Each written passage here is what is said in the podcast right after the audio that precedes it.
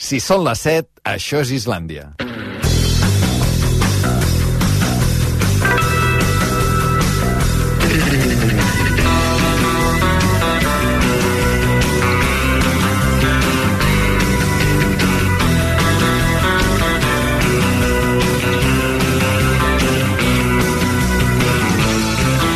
A RAC1 Islàndia, amb Albert Ong.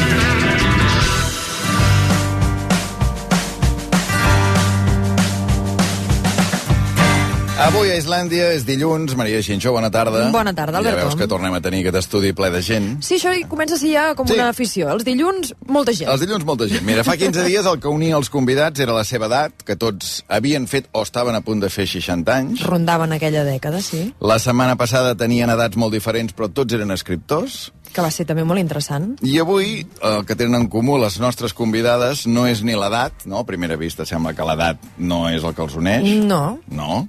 De fet, entre dues que seuen juntes es porten gairebé 60 anys. Per tant, clarament l'edat no Clarament és... l'edat no és això. La professió tampoc.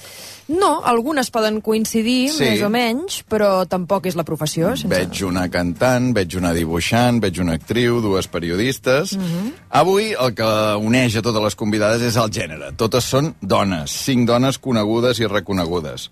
Començo per la jove, que és cantant, que té... No vull dir que... La més jove, vull dir, eh? No vull dir... La més jove, Sí. la, la, la rejuveníssima. Exacte, és cantant, té 23 anys, tres discos, uns quants èxits ja. Su, bona tarda. Bona tarda, Albert. Deies que estaves contenta de ser aquí. Em fa molta il·lusió estar envoltada de tantes donasses, i de tu també, per suposat, evidentment, però em fa molta il·lusió que, que m'hagueu convidat amb elles a parlar una miqueta. 23 anys, Su? Vol dir que ets nascuda 23 al 99 o al 2000? Ben fàcil. Al 2000? El 2000, sí, sí, el mes del gener, vull dir que super senzill. O sigui, vas estar a punt de ser la primera de, de, del mil·lenni, pràcticament, no? Quin dia va ser Gairebé, això? el 14. El 14 de gener. Doncs, um, gairebé et donaven un premi, eh, em sembla. La primera del Sí, mil·lenni hi havia alguna, hi havia d'haver alguna cosa. Bé, si anem pujant per ordre d'edat, al costat de la SUI tenim una periodista de 41 anys, que molts vam descobrir com a cap de comunicació als Mossos d'Esquadra i que des de juny de 2021 és portaveu del govern de la Generalitat. Patrícia Plaja, bona tarda. Molt bona tarda. Demà tens roda de premsa. Demà tinc roda de premsa, hauria d'estar estudiant i sóc aquí. Però felicíssima, eh? És allò, com quan has d'estudiar sempre trobes alguna millor fer que estudiar, no? Doncs aquí estic molt Clar, perquè contenta. estudies abans de les rodes de premsa, evidentment t'has de preparar la Bueno, compareixença, Jo no? se- me l'haig de preparar i sempre faig la broma que el dilluns és el dia que, que me'l passo tot el dia estudiant fins a entrar a la nit i per tant em va semblar meravellós puc tenir una excusa per sortir una estona del despatx. D'aquestes dues feines que he dit, Patrícia, cap de comunicació als Mossos d'Esquadra, portaveu del govern, com a tranquil·la, quina destacaries de les dues? Jo crec que no seria l'adjectiu que quedaria bé al costat de cap de les dues. Són ritmes absolutament diferents.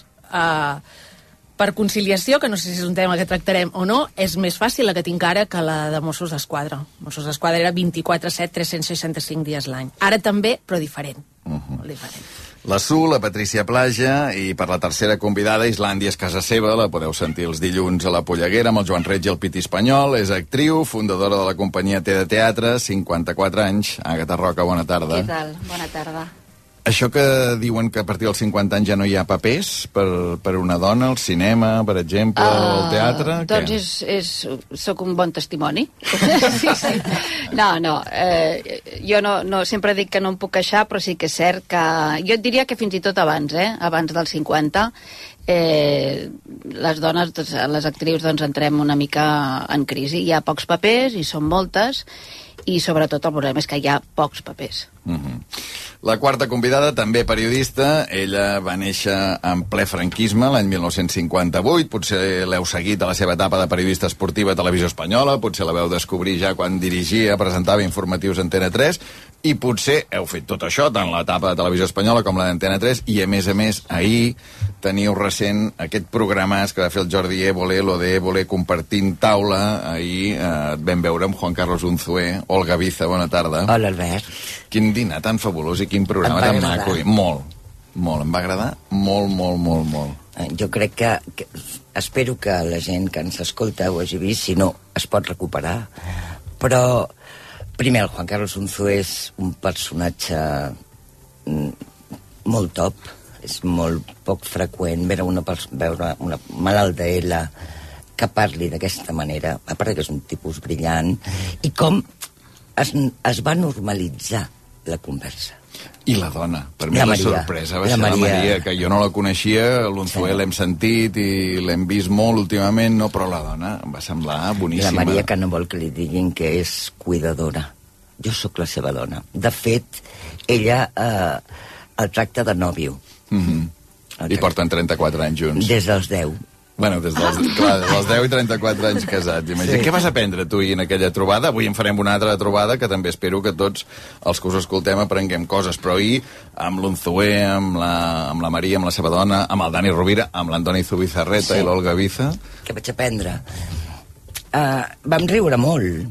Uh, la vam patar um, parlant de futbol, vam veure un partit de futbol tots plegats, però vam parlar de les coses importants. De la vida, de la mort, de la malaltia, de cuidar els grans, de cuidar familiars. Jo també estic en, en aquesta situació amb la meva mare, no? De coses importants. Viviu junts amb la teva mare? Sí, l'he portat a viure amb mi. Mhm. I ara no es vol moure de la Garriga, ha descobert la Garriga. Bé, la nostra cinquena convidada és dibuixant, és la degana de les dones que avui són a Islàndia.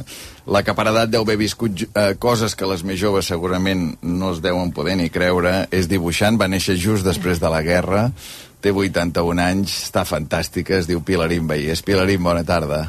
Molt bona tarda. La guerra no la vaig viure, però hi havia cases que no se'n parlava, però a casa meva sí. O sigui que de retruc la vaig viure molts anys encara. Hi ha gent que diu que la postguerra va ser fins i tot més dura que la sí, guerra. sí, sí, jo crec que sí, eh? Per molta gent va ser més dura. Me'n recordo del pa negre, del reaccionament, de que els homes, parlant d'homes i dones, els hi donaven paquets de tabac, encara que no fumessin, perquè un home de debò, què feia sense un paquet de tabac? La meva mare sempre m'havia explicat que li agradava molt el meu pare, estava enamorada del meu pare, només tenia una cosa que li fallava, que no fumava el meu pare. I diu que li semblava, prou home. li semblava que no era... Sí, clar, exactament, que no era- no, és que feia servir aquesta expressió. Diu, jo em semblava, diu, quan érem joves, que el teu pare no era prou home, perquè, clar, veia el Humphrey Bogart Oh. fumant, veia tots aquells homenassos fumant, i el teu pare no fumava. Quina sort. I això, imagina't. La, la teva mare, Pilarín, a què es dedicava? Ah, la meva mare, així oficialment, en el paper posava sus labores. A mi em feia una mica de gràcia perquè m'imaginava jo a la classe amb la monja que t'ensenyava a fer punt de creu i tot el dia fent punt de creu. Però, és clar, això era les mestresses de casa, totes les senyores que no treballaven professionalment, que eren moltes, eh? Perquè fiu- diu, ha de treballar. Ho deien una mica com una desgràcia en aquell temps. Ha de treballar, a vegades les senyores estaven ben preparades i treballaven en coses que estaven bé, però generalment treballaven eh, a la indústria, Clar, a la treballaven a puestos molt d'usos, eh? Molt valentes i molt maques, però tenien això, la feina de la casa i 4 milions de coses per fer el dia. Clar, només amb això que diu la Pilarina, aquí ja tenim un primer tema, eh? Aquesta expressió, que jo crec que a l'Olga Biza, no sé si també a l'Àgata li sona, potser a la Patricia Plaja i la Su, eh, li, sembla, li sembla marcià, això que diu Sus labores. sus labores, eh? Sí. Tu ho recordes, Jo ho recordo perfectament. Em, fe, em feia moltíssima ràbia. Perquè ho posava al DNI, eh? Sí, Sí, sí, i Ho tant. posava, no, no pas en el meu, ja t'ho dic. Però sí en el de la meva mare, per exemple, no? I, i, i Clar, sus labores vol dir que fa el que li toca fer. mestressa de casa és el que li toca mm, pel seu gènere. La meva mare sí que va treballar, eh? Mhm. Un cop ens va criar els tres, ella sí va sortir a treballar. En tenia prou. Tu deies, Pilarín, que, que per una casa, diguem, o sigui, només treballava una dona quan s'havia de treballar, però era, estava mal vist, diguem? Eh, diu, pobre, ha de treballar, deien, perquè eh, figurava que el teu marit no es guanyava prou bé la vida per mantenir-te. I això em recordo que la meva mare va dir, vull tenir els meus propis diners i no haver d'anar tot el dia estenent la mà per demanar diners. I eh, les, les meves ties no ho van veure gaire bé, algunes d'elles, i deien, sembla que el seu marit no es guanyi la vida. I, però això, per sort, ho hem vist davant de la nostra vista, ho hem vist canviar, per sort. Però, vaja, era una desgràcia que vaya birria de marit t'havia tocat. Clar, és que coses que ara les sentim o les veiem d'altres països i ens semblen absolutament inaudites passaven aquí fa 50 o fa 60 anys. Deies això, guanyar-se una dona els seus propis diners, la dona no podia eh, tenir un compte corrent, obrir-se un compte corrent sense permís del marit, no? Sí, sí, No, no, no, no, i tant, i tant, i tant. No podia sortir de viatge. Tampoc sense permís del marit. Jo me'n recordo que ho vaig explicar a casa la primera vegada que vaig estar a Corea per als Jocs Olímpics de 1988 em van donar un curset, per exemple, als cambrers perquè a les dones ens, ens, ens posessin la halància les primeres i que acceptessin la nostra targeta de crèdit. Jo me'n recordo que ho vaig explicar a casa i la meva mare em va dir "De que et sorprens. Fa, fa 30 anys a Espanya això era així. Vull dir, uh, hem passat per això. És veritat, a Seul encara hi... Bueno, a uh Corea del Sud, eh? Corea les dones Sud, anaves sí, a sopar a casa d'algú i les dones saludaven i marxaven. I et dic, li donaves la targeta de crèdit al cambrer i no te l'acceptava. Els teus pares, Àgata, com, com, tu com ho veies? Com, com estava repartida la cosa a casa? Els meus pares, clar, a mi, a mi quan em pregunten, per exemple, "Mm, tu ets feminista? Dic, bueno, és que jo m'he educat eh, en una casa on, on els valors ja eren aquests. Mai sabia dir la paraula feminista, però els valors que jo he rebut eh, eren així. O sigui, els meus pares fomentaven doncs, la igualtat entre home i dona de condicions i d'oportunitats.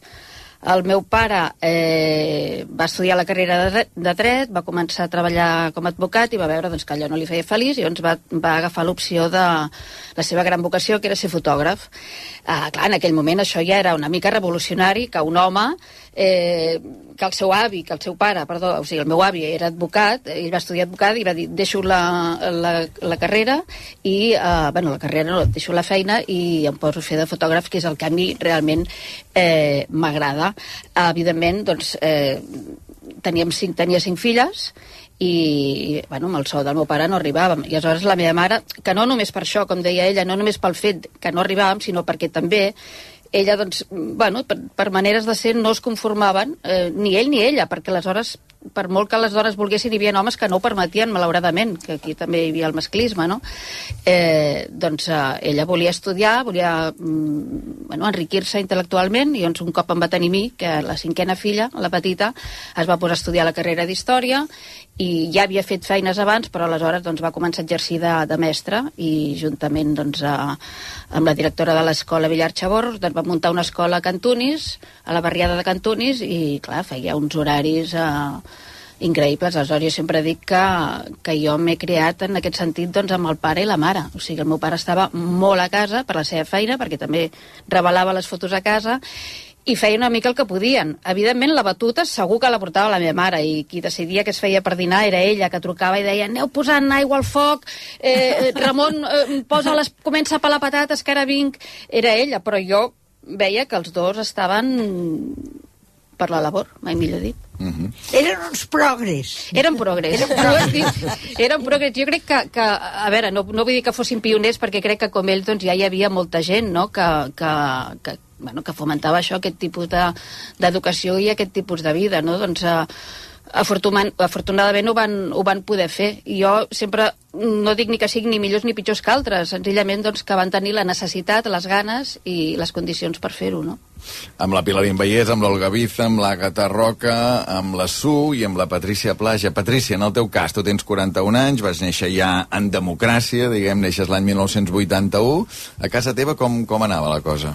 Jo, eh, ho ha dit la Pilaril, però jo ho, ho reafirmo, que és que els pares de l'Àgata eren molt progres, o almenys molt progres comparat amb els meus. És a dir, jo vaig, ser, jo vaig prendre consciència de que era feminista molt tard, eh, potser l'edat de, de la SU o una mica més aviat, quan, però poc més, quan allò que fas el llistat, no, de si defenses això, si això et sembla malament, si l'altre creus que hem de lluitar per aconseguir-ho, i repassant és, doncs sóc feminista, però a, a l'escola o, o a l'institut no tenia aquest coneixement. Jo crec que el primer cop que vaig detectar el que ara en diem micromasclismes va ser en un... no recordo què celebràvem, però que, quan el meu pare li va regalar un microones a la meva mare, i la meva mare es va enfadar moltíssim. I jo vaig dir, és que em sembla horrorós, és que aquests microones, eh, que a més era al principi quan hi havia els microones que fèiem servir sobretot per escalfar la llet, jo encara havia escalfat la llet amb un cossi, a, Mhm. no? Sí, sí. I és, vaig dir, però què, això què és? I tu faràs servir el microones igual que nosaltres, no? I aquell va ser, jo crec, el primer cop que vaig prendre consciència de que hi havia gestos quotidians que eren masclistes. Clar, o, o sentia bé aquelles frases, no?, que, que no sé si encara es diuen, però és que el meu marit és tan bo perquè em buida el rentaplats. Allò de buida. o- o m'ajuda, no? m'ajuda amb les coses o de casa. amb les coses de casa, Això no? Que ara fa fan molt, però a tu Ai, et deu sí. semblar surrealista, Què no? vol dir m'ajuda a casa? Clar. Però que no hi vius aquí, tu també. A veure, Su, 23 anys. Què? Tu, tu què has vist a casa? Ja has vist una cosa molt diferent a tot el que estem explicant ara? A, a veure, els meus pares es van separar quan jo era molt petita, llavors a casa mi mare, mi mare era una superdona que treballava de 8 a 5 i després venia a casa, treba... bueno, ens venia a buscar el col·le tal, no sé què, i mon pare treballava moltíssim, llavors tenia una altra dona que també feia exactament el mateix, vull al final sempre superdones que feien les feines de casa full i treballaven després també de lo seu, les dues, i mon pare que treballava i arribava a casa una mica a plato puesto en la mesa. O ajudar, no?, en el millor dels casos. Sí, si és que... perquè ell treballava molt, treballava molt, però al final sí que hi havia com aquest costum, no?, de, de, de, bueno, de, de, bàsicament de no fer res. I jo recordo molt també a casa meva una cosa tan, tan petita com que mon germà, vull dir, mon germà, jo me l'estimo molt i tal, però hi havia aquesta cosa de, de que ma mare ajudava molt a mon germà a fer tot i a mi com que de seguida m'ensenyava així renten els plats, no sé què, així... tal". O sigui, encara, encara en aquesta, en aquesta època que a mi és una cosa que amb la distància m'he enfadat moltíssim i ho he com comentat molt amb el meu germà de dir, ostres, que tu et quedaves al sofà mirant la tele i jo m'aixecava a rentar els plats amb, tenint 3 anys menys que tu, no tenia cap tipus de sentit però ma mare tenia l'herència de, de sons pares i al final doncs, De sons doncs, pares i de totes... Clar, de, de totes anys tantes i anys, generacions. exacte, moltes Eh, generacions. Això, això fa poc un amic eh, que, que està criat, que era aquests germans i germanes, em deia que quan eren petits el pare deia... Un dia ell es va aixecar per recollir el plat i el pare li va dir mentre hi hagi dones en aquesta taula, no, per favor, no, t'hauràs d'aixecar mai. Això de la meva generació. Estic hiperventilant, no ho diguis mm. més, Agatha. Mare meva, mare meva. Clar, Su, tu quan senties la Pilarín explicar alguna d'aquestes coses, eh, no sé si pensaves, però m'agradaria que hi pensessis ara, clar, us porteu pràcticament 60 anys, però tu hauries pogut néixer a l'any 1941, que és l'any que va néixer la, la Pilarín.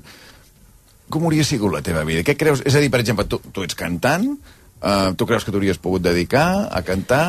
Segurament no m'hagués dedicat a la música perquè jo vaig, vaig descobrir que, que això era una via, eh, una via possible gràcies a les xarxes socials. O sigui que d'entrada hi ha un problema. El nodo. No sé com, no sé com ho hagués fet. M'hagués acabat dedicant a una altra cosa o potser ho hagués descobert per una altra via, però, però de moment, així com m'ha anat la vida, no hagués pogut ser segur. Clar, de fet, clar. a mi m'agradaria saber com va- vas descobrir... Vull dir, perdó que, que li faci una pregunta, eh, Sisplau. però com vas poder de decidir que, que et podies dedicar a una cosa artística en aquella època tan, tan feixuga, no? Sí, no, mira, a la meva família són metges fa sis generacions, però cap noia havia anat a, estudis universitaris, perquè les noies, m'entens, era per casar-se el més ràpid possible i si, diu una bona col·locació, saps? A veure si em pescaven un que anava una mica bé. I jo vaig ser la primera que, que vaig estudiar Belles Arts, després totes les meves O cosines sigui, la primera dona de la família... estudiat. Tu ets la primera dona de la família, Pilarín, que fa estudis universitaris. Sí, sí, sí, I això algú primera. ho va veure malament? No. Bueno, algú sí, però els meus pares no. Uh, els meus pares, jo vaig dir, vull estudiar Belles Arts, i van dir, ah, molt bé, si vols estudiar, estudio. Però una tia va dir, no, aquesta nena s'hauria de quedar aquí cuidant a l'àvia. I la meva mare va dir, mentre jo sigui aquí, a l'àvia la cuidaré jo, i aquesta que busqui el seu camí. Que voli. En aquest aspecte, la meva mare era moderna, I, I diguem. quantes dones hi havia Sí. a classe? Quantes, quantes altres? No, moltíssimes. A Belles Arts, moltíssimes. Sí? Vale. Perquè, mira, a Belles Arts era quasi tot Pensava que monges. llavors anaven a la Massana. No, no, perquè necessitaven el títol. Uh. -huh. per, per donar classes en aquell temps, ara no sé, però necessitaves el títol de Belles Arts. Hi havia moltes monges i molts capellans. I a la classe de nu, el primer dia, un silenci que semblava l'infern. Allà un silenci sepulcral. Perquè Però hi havia, hi havia models, hi havia models nusos. Sí, Homes o dones? Homes i dones. Homes i dones. Els homes portaven tanga. Ah. Les dones no. Les dones no. Estàvem esperant al peu de pàgina, Que eh? fort, que fort. O sigui, els homes anaven amb un tanga. Sí. I les dones despullades de pèl Les dones, tal qual. Sí, sí. Tu amb 23 anys, eh, que és l'edat que té la sua ara, Pilarín, ja estaves casada? No, vaig casar a 24. Mira, un Però vaja, estava una temps. mica en les labores, que deia aquell, saps? Jo me'n recordo- Una mica preparant. Me'n recordo el dia que em vas explicar, que jo crec que això hauries de repetir-ho ara, el dia que em vas explicar que vas haver de demanar permís al bisbe de Vic per poder-vos casar a la tarda. Sí, nosaltres hem progrés també, figura. I llavors no volíem un casament allò amb una desfilada dels convidats vestits de jaquer. Vam dir, no, nosaltres volem una cosa senzilla, un berenar. I vam anar a trobar el senyor vicari general i va dir, no, això està prohibit perquè propicia les orgies. Mare. Casar-se a la tarda propiciava tarda? les orgies, eh? Sí. Més que de matí o que de nit. Sí, sempre més de gust a la tarda. Hi ha uns horaris, es veu. De nit no podia ser, però a la tarda ja era prop de la nit. Propiciava les orgies. I el meu marit, que eren 12 germans, tres o quatre monges i capellans, va dir, casa meva, fem cara d'orgia. I el capellà va dir, no, no, no, casa seva no. Però jo també ho vaig dir, tota enfurismada. I no va dir res. Em vaig quedar molt preocupada, però llavors el senyor bisbe va dir, no us preocupeu, si aconseguiu un antecedent, us podreu casar. L'antecedent era el fill de la Mercedes Salisachs, que es veu que havia fet una despedida de solter bastant sonada. I es havia de casar a la una i a la una no estava gaire per anar-se a casar. Total, que es va casar a les tres. Total, va haver-hi orgia o no al final? No, Però, no, no tanta que orgia, fort, aquesta... no Clar, és que a veure, a veure, jo crec que eh, 60-70 anys enrere hi ha unes circumstàncies mundials molt diferents, però aquí, a més a més en ple franquisme, hi ha una cosa que es diu nacional catolicisme, hi ha el pes de la religió, a més en una ciutat com Vic, diguem, no?, que, que fa que, o sigui, associar el concepte del sexe a la foscor, a una cosa, saps, com, com de nit passaran coses estranyes... O Oh, sigui, segur. Aquella boira. Aquella boira. Els fanals. Eh, a veure, que eh, tot ho tapa. Àgata, a tu què et va dir la teva àvia quan et vas casar? I ara, quan estava explicant ella això que, que, que els pares també que deies que eren progres, que quan et vas dir que et volies dedicar doncs, a, a l'artístic, doncs cap problema. Els meus pares tampoc, però la meva àvia tampoc, en principi. Li vaig dir, mira, àvia, faig teatre, tal, ah, que bé, que bé. I, bueno, que bé, que bé o no, però és igual. I al cap d'uns anys, jo ja vivia en parella, però aleshores vaig, dir, vaig decidir formalitzar la relació i, vaig dir que em casava amb molta il·lusió. Dic, mira, àvia, saps què? Que ens casem i tal. Ai, que bé, que bé, que bé. Així ara deixaràs el teatre, no? I aquesta frase em va quedar... Però no em va fer... No em vaig enfar, o sigui, em va fer llàstima. Vaig pensar que fort el, el que deu haver rebut perquè ella pugui pensar que, que jo a, a, ara hagi de deixar la meva feina al teatre. No sé si hagués fet una altra feina si m'hagués dit el mateix. Mm, possiblement no, no ho sé, però, però en tot cas ella veia que, que jo havia d'estar a casa. Clar, però fixa't quant talent, quant talent femení eh, que hi ha en aquesta taula, però quant talent no es va poder expressar en aquella època, no? Diguem, és a dir, quanta gent devia tenir un talent pel dibuix, com la Pilarín, Tant. i no el va poder expressar, quant talent tenia un, dibu un talent per, per cantar, com la Su, o pel periodisme, eh, com l'Olga Biza i com la Patricia Plaja, per l'actuació, pel teatre, pel cinema, com és l'Àgata Roca, i en aquell moment no ho van poder fer. Olga, tu com, com et vas espavilar? A veure, ja, tu què havies rebut a casa i tu vas dir, escolta'm, jo, jo, jo què faig a la vida? Jo no tenia ni idea. Jo no sabia què fer, he de ser sincera, perquè eh, jo sóc producte de les primeres sèries de televisió, llavors hi havia una que, eh, que donaven, que es deia Centro Médico, i jo volia ser cirurgià, també. Llavors vaig fer totes ciències, fins que va arribar l'hora de decidir, i els meus amics se'n van anar a periodisme, i és veritat que jo, el meu avi tenia una petita editorial, era un home de lletres, em feia escriure, I m'agradava escriure. És més, jo regalava, com no tenia calés, amb 15 anys, feia diaris de regal d'aniversari, amb fotos, trucades i tot això. Llavors vaig dir, doncs, m'hi dedicaré a jugar la resta de la vida. Vull dir, no, no sabia per on anar. I va ser un... Vaig encertar. Vaig encertar perquè m'ho he passat molt bé. Vull dir, eh, a casa, quan vaig dir que faria periodisme, oh, meu pare em va dir, estàs segura? Perquè abans vaig dir, no, jo eh, estudiaré filosofia, o jo, no sé, no, jo deia cada dia una cosa diferent, era un desastre. I, però, clar, de seguida vaig començar a fer pràctiques a la tele i els hi va semblar que a lo millor la cosa aniria més o menys decent. No esperaven res. I mira com ha anat. Sí, ara ens ho feu creure. Vinga, pre. Perquè, a més a més, passa una cosa, deixa-m'ho dir, Olga Biza, tu tens 64 anys ara... Ai, i- que m'ha fet mal. Ah, No, és que fa molt mal. És que, quan, és que dius molt És l'edat. que jo era la la patint molt i Sí. fa mal, Massa, fa mal. massa, massa trobes dius que des dels massa. teus 55 anys. 56. Una cosa, Albert, jo sóc la segona més jove, per si vols dir-ho.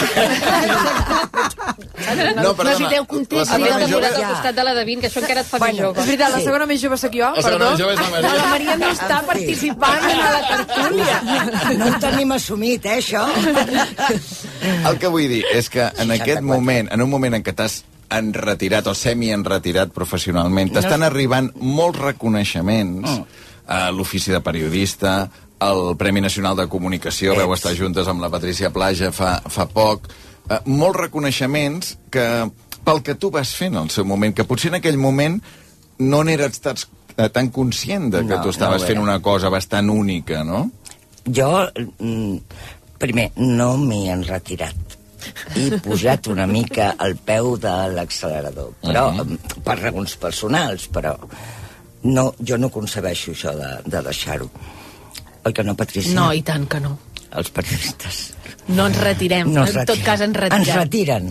No, mm, és veritat, vull dir, quan vaig rebre el d'ofici de periodista, que em va fer topa il·lusió, del Col·legi de Periodistes de Catalunya, vaig pensar, uf, eh, un premi de trajectòria, vull dir, mm, era el primer i, i, i clar, llavors eh, vaig fer-me el, el diagnòstic, sí, Olga, 64, 45, quasi bé de feina, um, ja estàs en aquest lloc on no, on no t'hi has adonat que has arribat.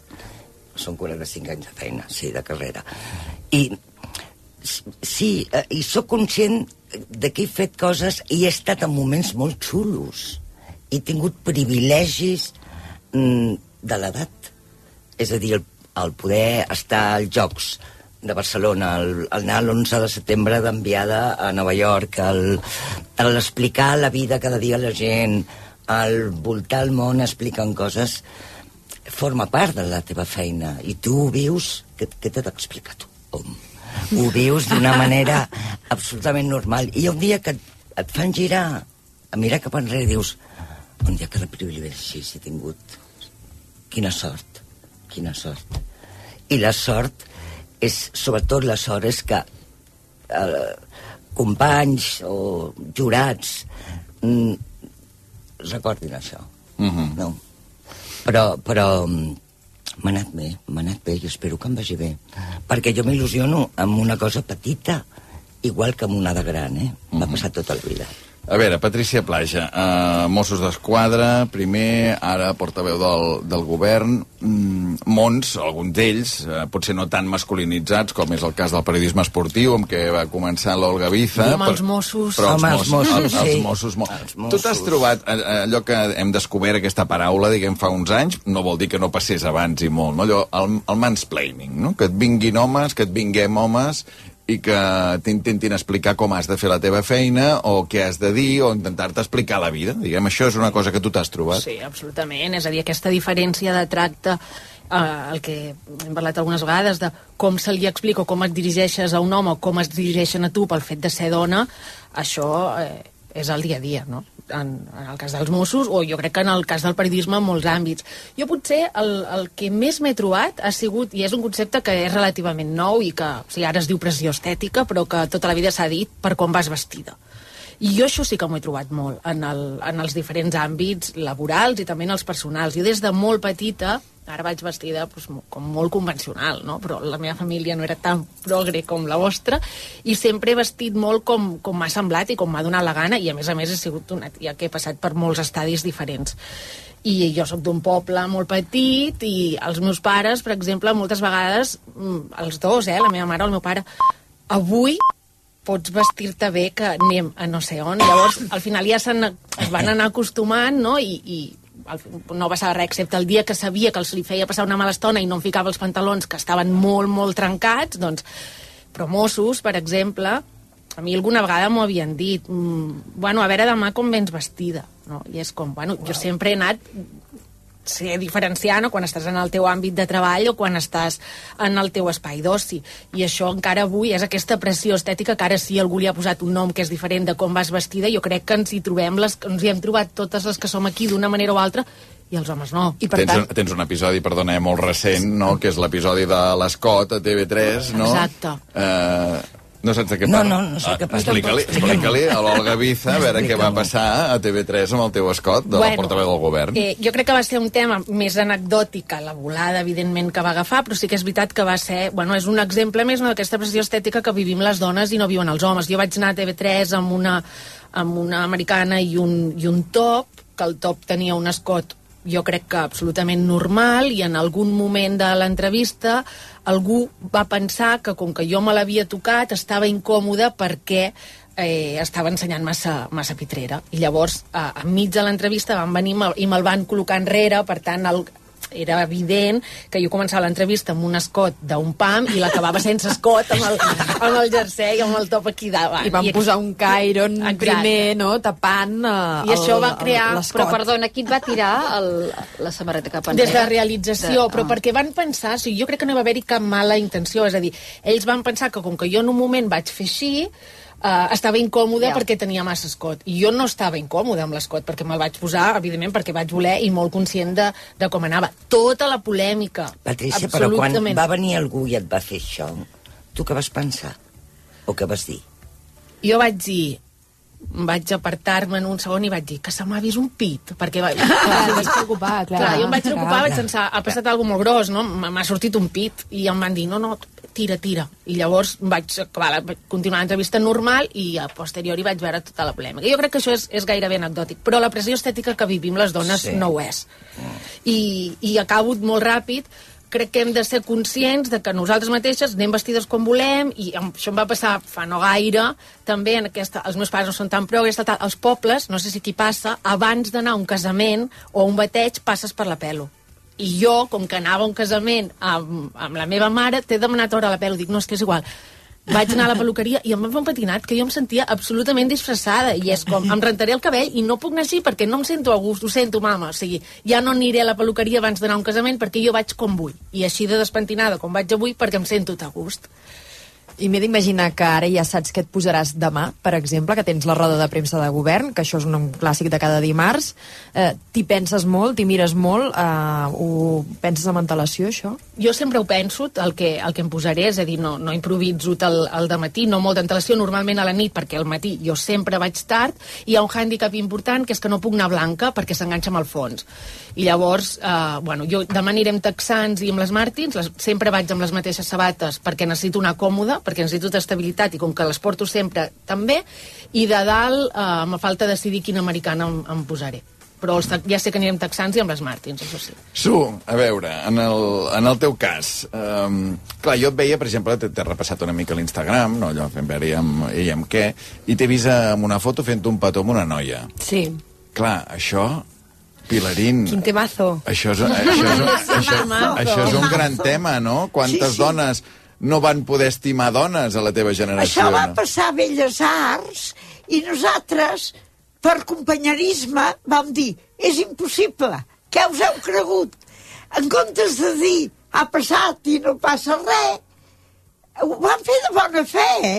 Però és que ni ens va passar pel cap. Però què vols dir va passar? O sigui, que hi havia dues noies... Hi van haver dues noies que van ser acusades per alguns nois de que tenien alguna Tenien mica una de rotllo.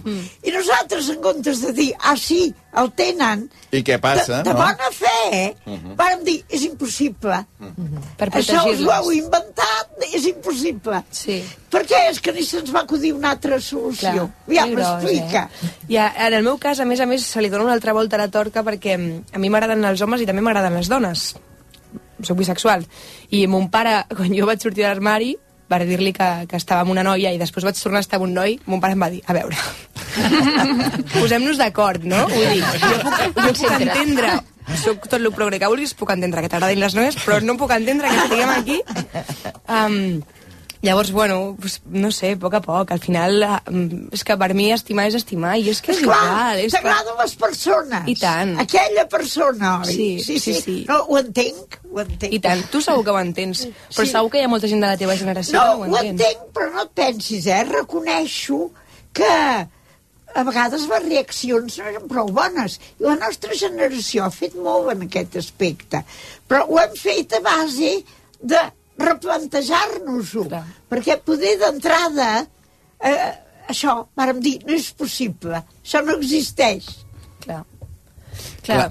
Tu, eh, Olga Biza, tu has anat pel camí que tocava, diguem, eh, que a tu t'ha agradat fer les coses que toquen, em caso quan la gent No. es casa, no, tinc no, no, no. fills... Jo, jo no tinc cap, cap pinta de, de rebel, però mai he fet allò que tocava. No m'ha agradat. Què era allò que tocava a la teva Doncs, generació? la què, gener- què t'hagués doncs- tocat? A veure. Eh, Doncs suposo que casar-me, tenir fills, um, casar-me, tenir fills, fonamentalment, no? Mhm. Suposo jo. Ja, I sus labores, sus labores. No, sus labores ja no. Sus labores ja no, eh? Però, no, no, no, no. Perquè jo als 10 anys, parlàveu de feminisme, jo als 10 anys ja em queixava que els homes de la meva família no fessin el llit i a mi em fessin fer el llit. Jo deia, A- a no. tu et tocava i fer meu els seus, no? Moltes no el vegades. Fa. Jo no ho faré pas. Tu veies que el teu cosí no havia de fer-se el llit no, i tu sí. i que jo sí. Vivia en el pis de dalt i jo en el pis de baix. I L'Àlex no ho fa. Jo I et tampoc. rebel·laves? És a dir, sí, sí, no ho absolutament. feies? Fonamentalment perquè no m'agradava fer-lo. Però, però sí, em tocava molt la pera que, que ells no fessin coses que a mi em deien que havia de fer. I això sí que ho he parlat molt amb la meva mare. Vull dir, i abans ho assen- assenyalaves tu, elles d'alguna manera han estat les darreres eh, transmissores involuntàries Mhm. del patriarcat. Sí, sí. No? I la meva mare m'ho reconeixia, no fa pas massa. Deia, perdona'm, perdona'm, però això, això ho hem fet sense voler. És el que nosaltres... Bueno, em preguntaves... Doncs La no, pressió estètica que deia ella, Sí. te la passo amb els fills, per exemple. Ha Ah, no, sigut jo una no- cosa que t'ha acompanyat, aquesta pressió perquè tinguessis fills, perquè fossis mare, No. perquè una dona, si no és mare, no és completa... Ah, jo és que sempre... Jo, el dia que em va venir la regla per primera vegada, li vaig dir a la meva mare. Clar, la meva mare em va explicar coses. Li vaig dir, mira, jo no seré mare. Jo no seré mare als 11 anys, fixa't tu. Era una manera... Quina coherència, Olga. No, no, jo era per dur la contrària.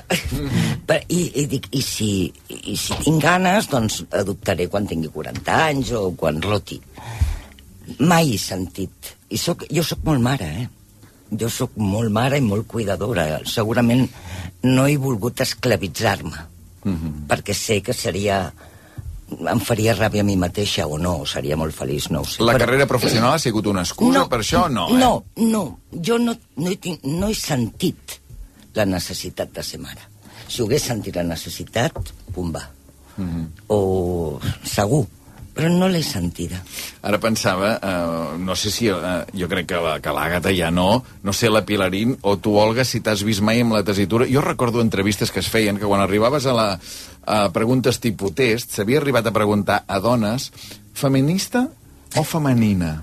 Ah, sí, és veritat. Això no- és no ho veritat. recordes? Sí, sí, sí, Jo sí, no. fet. Sí, sí, ara m'ha vingut al cap. Quin Perdona. quadro. M'ha vingut al Això cap, sí. era un clàssic de les entrevistes tipus test que es feien amb una dona, eh? Mm, No me l'han fet mai a mi, eh? però és cert, jo he vist aquestes entrevistes també, el tipus test. Clar, clar, que- algun diari, alguna Sí, sí, revista, sí, sí. alguna cosa Sí, sí, d'aquestes. com si no es pogués ser les- Amb, amb dues coses. dues no? coses. Les dues coses alhora. Aquesta paraula, feminista, eh, tu abans, Patrícia, ja ho deies una mica, no?, que ho vas descobrir més tard. Eh, a veure, comencem per tu. hi havia feministes, eh, era una paraula que es feia servir, tu t'identificaves per la carrera La que havies... meva àvia en deia sufragetes. Clar, que són les que... Són les... Eren aquelles feministes angleses amb les pancartes. Sí, sí. El que no vaig arribar a saber mai si estava a favor o en contra. Però ella en deia les sufragetes. Clar, és que la I- primera reivindicació, o una de les primeres fa cent anys, és poder votar, diguem. Esclar. Poder votar a veure quin home et governava. Diguem, Sí, no? sí, aquesta, exacte. aquesta era la, la, la cosa del moment, diguem. Però, de fet, per algun puesto es comença, eh? Es havia de començar per algun puesto.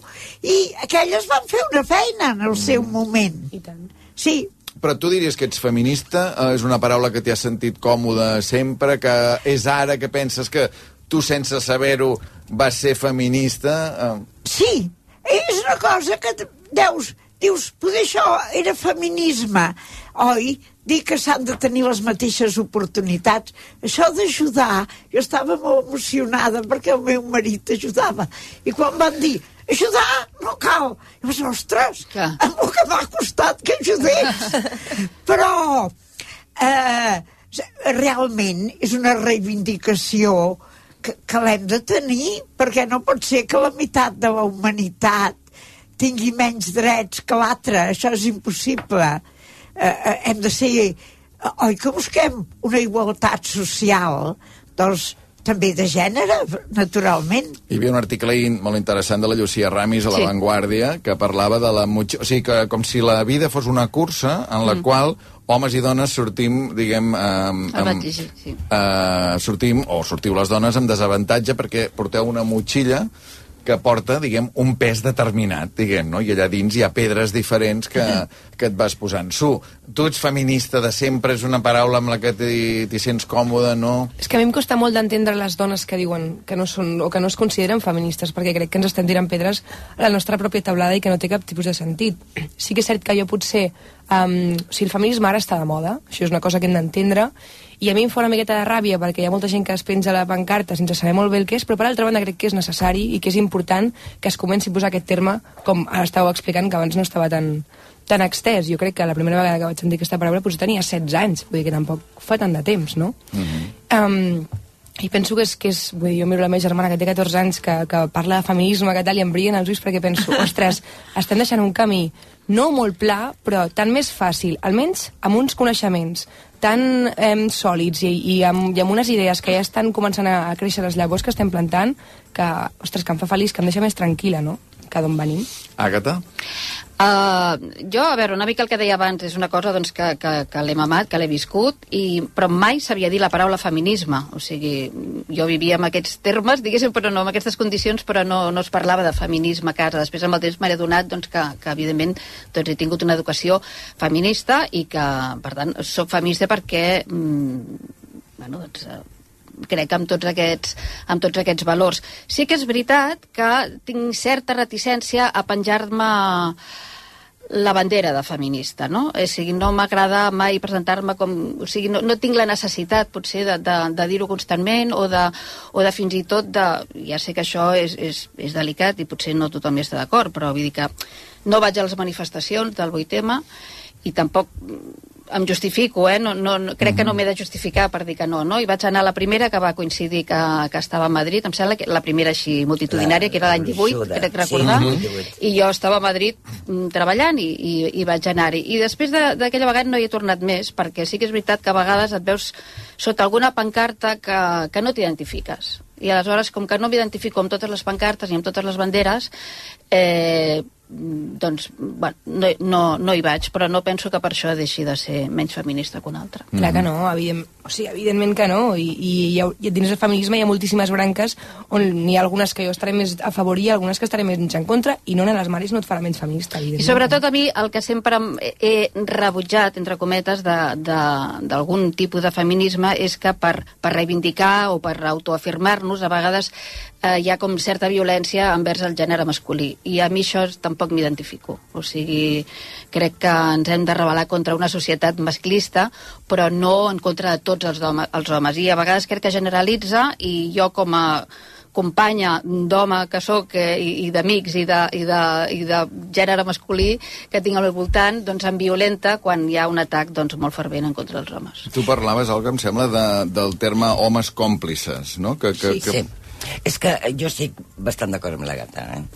Eh, jo crec que preguntar si ets feminista no ens ho hem de preguntar les dones, ho hem de preguntar els homes. I, i això no, fe, no es pot fer eh, soles. Vull dir, jo he tingut molts còmplices a la vida, homes. Des dels meus caps, el, el meu primer jefe, que ell tenia 26 anys i jo 20, eh, que va ser el que em va donar l'oportunitat d'entrar a la tele. Perquè ell era igual que fos una tia o un tio, vull dir... Um, i o les meves parelles o, o els meus amics, no? Jo crec que això... A mi m'agradaria que les pancartes, si hem d'anar a manifestacions, a primera fila hi haguessin molts homes. Molts homes. I m'agradaria que la conselleria o el Ministeri d'Igualtat el portés una tia i un tio. Eh, vull dir, jo crec que ja han de superar una mica.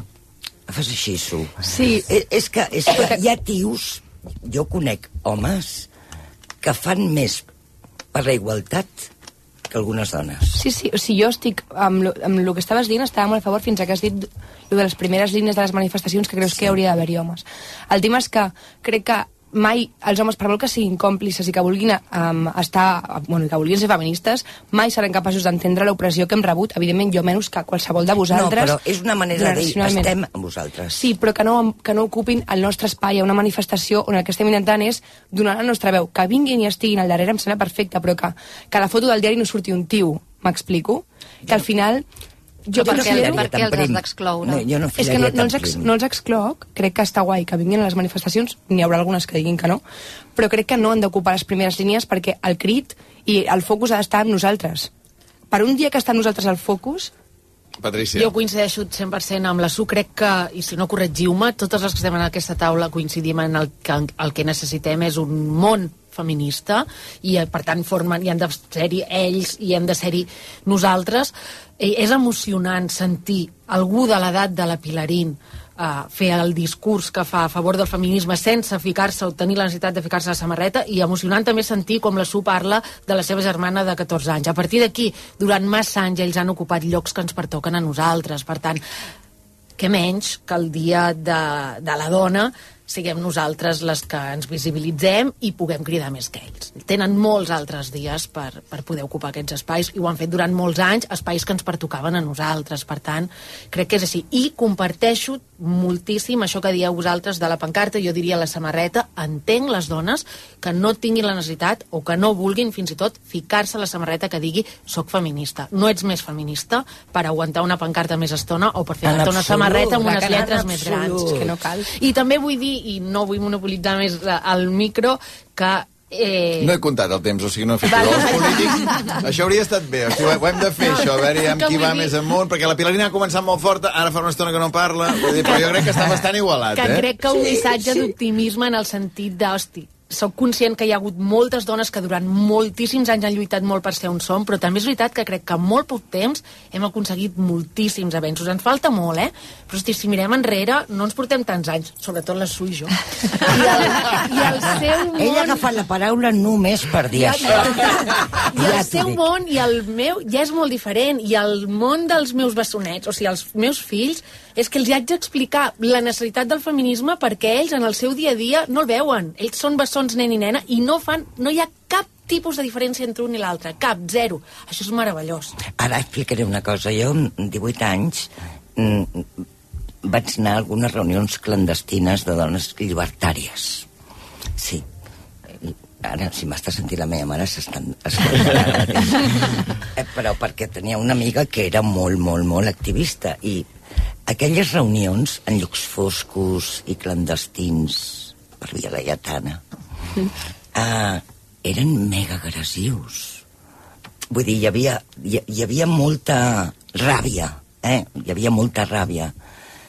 Jo crec que mm, quan veig una mani del 8M i penso, en allò, recordo allò, penso, ostres, el, el que hem avançat, que hem fet i ara toca normalitzar. I el que no podem fer és barallar-nos les dones Entre nosaltres. entre nosaltres. Això estic super a favor. Que és el que està passant. Sí, sí, sí. I em fa moltíssima ràbia. És que això és trist. A mi també em fa ràbia. A mi també em fa moltíssima ràbia i, i, i no veig la forma de, de solucionar-ho, eh? perquè realment el que dèieu de les pancartes i de, i de... Bueno, que hi ha gent que té uns discursos de, amb els que jo no estic gens a favor i que al final una dona és, és i serà qui, qui cregui que és dona i no cal com justificar això ni, ni, ni excloure ningú de- d'aquesta lluita, perquè al final la lluita, o sigui, l'objectiu és el mateix, derrocar el patriarcat i aconseguir la igualtat. Llavors, tothom qui vulgui lluitar és benvingut, no? Opino. Evidentment. Estaria bé. Estaria bé, sí. Estaria bé. Estaria Pilarín, bé, um, ho acabarem amb un regal, però és que és un regal que has portat tu una vegada més, eh? Ai, és, que, què? és que de veritat, o És sigui, que la, la, els la de Vic Pilarín... fem això, però ara resulta que n'hi ha un de vegà, un de vegetarià, i a vegades explica, no va quin, bé del tot. explica quin regal els hi has portat per és? totes aquestes Oh, dones. jo sempre porto a sobre una llangonissa Ai. per demostrar Oh. que sóc de Vic. Alguna millor. petita. Però avui em feia molta il·lusió a vosaltres, a la Maria i a tu, i a les senyores aquestes A les tan senyores importants aquestes. amb les que he compartit una estona. Què, què faig? Vaig passar Moltes d'aquí. gràcies, Pilarín. Gràcies. Quina il·lusió. Ens n'hem passat. Gràcies, hem passat les Pilarín. llagonisses. Ostres, que vis... Visca Vic. Gràcies, Pilarín. Amb la Pilarín. Vallès, amb l'Olga Biza, amb l'Àgata Roca, amb la Patricia Plaja i amb la Su hem passat una estona fantàstica. M'ha agradat molt escoltar-vos, de veritat, crec que, que ha valgut molt la pena compartir totes aquestes reflexions, vivències de dones, donasses, d'edats molt, molt diferents. Uh, no la repetiré, Olga, no repetiré l'edat. No, 64, home. 56, tu. Un petó per totes, gràcies. Moltes gràcies. Gràcies, per Gràcies. venir Gràcies a avui. tu. Gràcies, Pilarín, per aquesta llengonissa. Mira com Gràcies sona. a vosaltres. Femení, llangonissa Fem una pausa per tastar-la. Islàndia, amb Albert Ong. Com menys et costa aquest gest, menys li costa al planeta. Amb Aquària, l'aerotèrmia de Panasonic, estalvies en calefacció, aigua calenta i refrigeració, i li estalvies al planeta. Ara, amb servei de manteniment anual. Aquària de Panasonic, la teva llar estalvia. El planeta, també. Marta, què et passa? És que el Marc ha tornat a suspendre i ja no sé com ajudar-lo. Nosaltres estàvem igual que tu i ens van recomanar profe.com. Des d'aleshores la Marina està motivada i ha millorat molt. Profe.com? Sí, tenen professorat qualificat amb classes online, personalitzades, adaptables als teus horaris i per totes les assignatures. La primera classe és gratuïta. Doncs ara entro a profe.com. Tu saps com reclamar una factura de la llum? Jo tampoc. Per això sóc de Legalitas, perquè compto amb experts que m'ajuden a solucionar els temes que jo no controlo. Per només 25 euros al mes, puc contactar-hi sempre que ho necessiti. Fes-te ja de Legalitas trucant al 900 106 08. Legalitas i endavant amb la teva vida. Avui, al 9C, La campanya serà una campanya d'equip, però molt personal. Xavier Trias. Parlarem amb el candidat a l'alcaldia de Barcelona quan falten dos mesos i mig per les eleccions municipals al mes de maig. 9C, amb Anna Ballonesta. RAC 1. Tots som 1. RAC més 1 presenta... Emili Solsona, jubilat. Somos un equipo de investigación desde famosa ya, la Laureano, que es, es mi, mi aprendiz. Eh, Somos eh, un equipo de investigación policial urbana. I Laureà Lledó, 40 anys i vivint amb els pares. A les 22.03 al carrer Valladolid del barri de Sants de Barcelona, una dona va cridar molt fort. Tots dos formen un equip d'investigació criminal que busca casos on no n'hi ha. Ya sabes lo que haces con tu mujer cada noche. tranquila. ¿Eh? Cuando subes borracho. ¿Qué me han dicho los vecinos? Si no Mira su pantalón. Ven, Mira cap aquí. Eh, eh, eh, Crits, un podcast que posarà foscor a la llum. Cada setmana un cas a l'app de rac i a rac I divendres la resolució al versió RAC1. Crits, amb el suport d'òptica i audiologia universitària per a joves d'un a 100 anys. Als 20, als 40, hi ha una edat per a cada cosa. Una edat? Hi ha una edat per ser jove i una altra per deixar de ser-ho? Quan has de deixar de somiar? A Òptica i Audiologia Universitària sabem que, tinguis l'edat que tinguis, és perfecte per ser jove. Òptica i Audiologia Universitària. Per a joves d'un a 100 anys. Islàndia, amb Albert Ong. 6 minuts i les 8. Ens posem al dia després d'aquest tros de conversa. Joan Torres, bona tarda. Bona tarda. Ho acabem de saber, l'Hospital Clínic podrà reactivar una part de l'activitat prevista demà. Sí, començaran les consultes externes amb un 10% d'activitat i també es tornaran a fer entre el 40 i el 50% de les operacions quirúrgiques. Tot i això serà de forma molt progressiva per assegurar la seguretat dels pacients. És el que acaba de comunicar en un comunicat al Clínic, després d'haver estat pràcticament paralitzat des d'ahir al migdia pel ciberatac que va rebre. Avui, per exemple, s'han atès els malalts que eh, arribaven a urgències, però hi ha hagut moltes mancances. El conseller de Salut, Manel Balcells, demana calma i insisteix que tot el que no pugui fer-se al clínic es farà en altres hospitals. S'ha repartit l'atenció dels malalts urgents en altres hospitals i des del punt de vista clínic i assistencial garantint que tot ciutadà i ciutadana de Barcelona i de Catalunya doncs tingui l'atenció que li cal en el moment que li cal. És a dir, que si clínicament hi ha necessitat de fer una sessió de, de radioteràpia, doncs es farà en un altre centre. Avui s'han ajornat 150 cirurgies no urgents i unes 2.000 visites a especialistes. El ciberatac ha afectat tot el sistema informàtic i ha estat impossible accedir als historials clínics o informatitzar qualsevol resultat. Per culpa d'això, els sanitaris han hagut d'anar amunt i avall amb papers per saber, per exemple, el resultat d'una analítica urgent.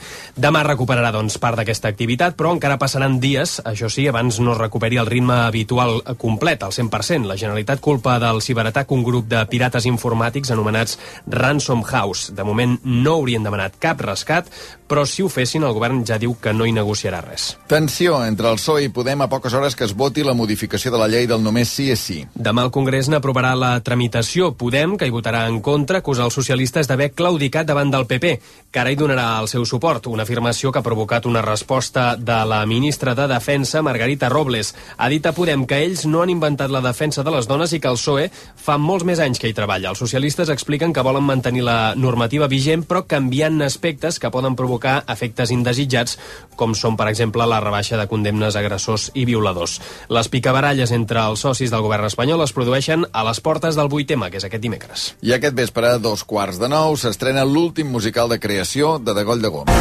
passa pel davant, però igual que passa ja s'escapa. Es diu L'alegria que passa i es pot veure al Teatre Poliorama. Anem cap allà, Maria Cusó, bona tarda. Hola, bona tarda. Sí, nit de contrastos avui aquí al Poliorama perquè, per una banda, hi ha l'alegria pròpia de les estrenes teatrals, però alhora també cert sentiment de melancolia. I és que, com bé dèieu, aquesta serà l'última producció pròpia que estrena de Goll de Gom abans de l'any que ve acomiadar-se definitivament dels escenaris amb una reposició de Maricel. En aquest cas, l'alegria que passa recupera un text de Santiago Rossinyol, un dels primers èxits teatrals, de fet, de l'autor català, amb dramaturgia, això sí, de Mar Rossic, música de Guillem d'Andreu Gallent, diguem-ho bé, i amb coreografia de l'Ariadna la, Pella.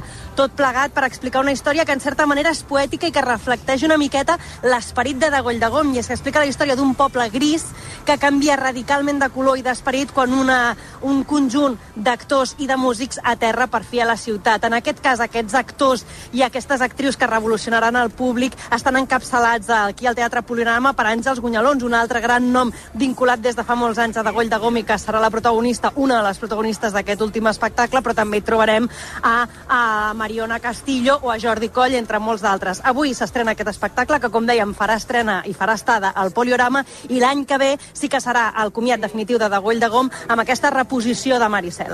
Nit important, gràcies Maria, doncs hola, hola, oh, ja es van saludant tothom que van entrant allà, l'estrena l'estrena és a dos quarts de nou d'aquí mitja hora, l'últim musical de creació de, de Goll de Gom.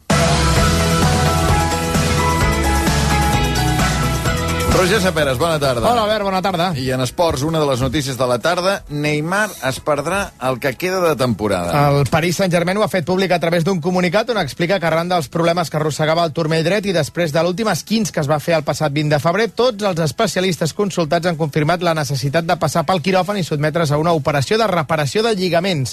Segons el mateix club francès, Neymar superarà en els pròxims dies a Doha i estarà de baixa entre 3 i 4 mesos. Per tant, el brasiler que espera el que resta de temporada, començant per la tornada dels vuitens de Champions a Munic contra el Bayern. D'aquesta tornada, amb 1-0 pels alemanys, n'ha parlat avui Leo Messi al web del PSG. Diu que estan confiats en remuntar. Hicimos una mejora después del partido de, del Marsella, el equipo salió reforzado con esa, esa victoria.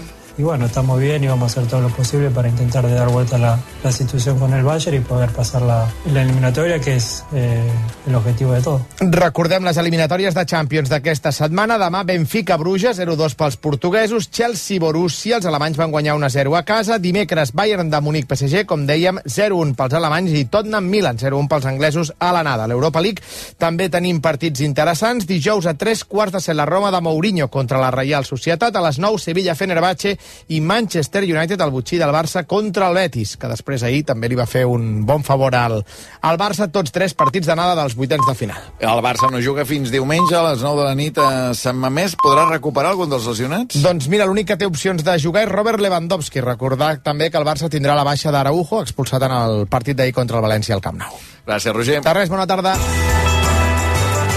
Les 8 en punt. Abel Caral, bona tarda. Bona tarda. Com tenim el temps? Doncs mira, uh, tranquil, tot i que demà a tarda hi haurà alguns ruixats poc importants entre el Ripollès, l'àrea de les Guilleries, el Cabrerès, el Montseny, també cap al sud de la Costa Brava, demà a tarda algun ruixat, alguna gota, poca cosa, i a part també demà a tarda precipitacions amb una mica més de cara i ulls cap a la Vall d'Aran i zones properes, extrem nord del Pallars Sobirà, de l'Alta Ribagorça, cota neu 1.600-1.800 metres, temperatures que pugen, avui han reculat una mica i a llocs de la costa de 12-13 graus, tot i que hi ha també sectors del sud del país o de Ponent de 17, 18, 20 graus, de cara demà 3-4 graus més a la costa i al litoral de les comarques de Barcelona i a molts sectors de les comarques de Tarragona i de Girona. I atenció, que de cara a dimecres, entre dimecres i divendres, en molts casos de 20 a 25 graus i al cap de setmana podem Déu-n'hi-do. passar dels 25 ja respirant una mica primavera.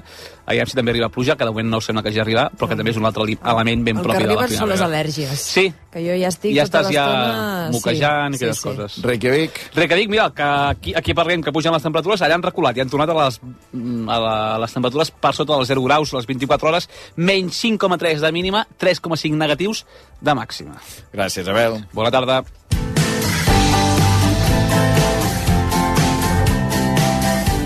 Potser no sabeu com reclamar una factura de la llum? Doncs no us preocupeu, perquè per això ja hi és Legalitas, perquè amb Legalitas comptes amb experts que t'ajuden a solucionar els temes que no controles. A més, és molt fàcil, t'hi pots posar en contacte per telèfon o per internet tantes vegades com vulguis, i les 24 hores del dia, si és un tema urgent.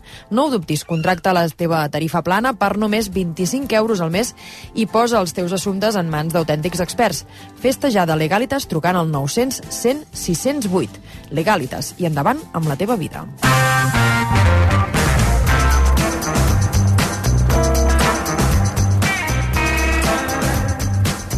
A veure, trobo, Àgata, no sé si, si coincideixes amb mi, trobo que tens dos homes que t'acompanyen a la polleguera que són lents de col·locació. Sí. No? Vull dir que des, des que seuen fins que troben el seu Jo lloc... crec que els hauries de fer treuen entrar la abans. llibreta, Sí. no? Sí. Jo mira que em col·loco molt ràpid, eh, Busco, busco un llapis a la bossa. I encara no s'ha posat el, el Quan ja he buidat la bossa, Joan. llavors me- me'n recordo que el porto la butxaca. A veure, saludem un per un piti espanyol, bona tarda. Bona tarda. Joan Reig, bona tarda. Molt bona tarda. I l'Àgata Roca, que l'hem tingut amb aquesta conversa, amb, aquests, amb aquestes donasses que hem tingut avui a, Sí, noi. a Islàndia. L'has sentit, Joan? Sí, sí, amb el cotxe i, i la segona part aquí, molt bé. Però a veure, Joan, vas, tu vas ser el protagonista la setmana passada, Sí, sí, no, no, que et vaig veure tota la setmana passada amb el documental Sí. dels Sí, pets... sí, noi, tot, fem angúnia ja. Molta gent, sou el conjunt del règim, diuen. El conjunt del règim, El conjunt deien? del règim, ja, Sí, ja ho deien en Pujol, imagina't. Imagina, però què bé, no? Molt bé, molt bé. Un gran treball d'en Josep Rovira i tot l'equip i... Sí, sí, un gran ciència ficció. M'ha agradat. Molt bonic. Molt Sí, perquè no era la història, diguéssim, típica, no? Van néixer aquí, van néixer allà, hi havia... El vam veure dimarts, eh, però vosaltres el veu estrenar dilluns a A Constantí, Constantí no? mateix, al casino, sí, a la sala, sí, una preestrena. És que ho saps tot, Albert. Sí. Per què? No sé. Bueno, un periodista informat. Treballa d'això, també, eh? Sí, sí, però... No se li escapa res, tu. I mira, ara l'he notat una mica refredat. No sé si... Uh, una sí? mica, sí, una micona sí que ho Tornem-hi, sembla. quan vaig anar a Carnaval de Ripoll... Carnaval, amb un- encara?